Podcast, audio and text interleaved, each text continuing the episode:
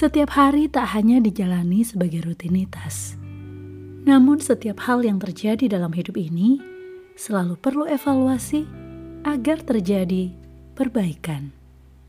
Gak gampang berpuas diri agar sesuatu senantiasa mengalami inovasi. Jangan sampai terlalu banyak mengkritisi sampai lupa bahwa diri sendiri juga perlu diperbaiki. Jangan dibalik gampang melihat selumbar di mata orang, sedangkan balok di mata sendiri nggak diketahui atau malah diabaikan.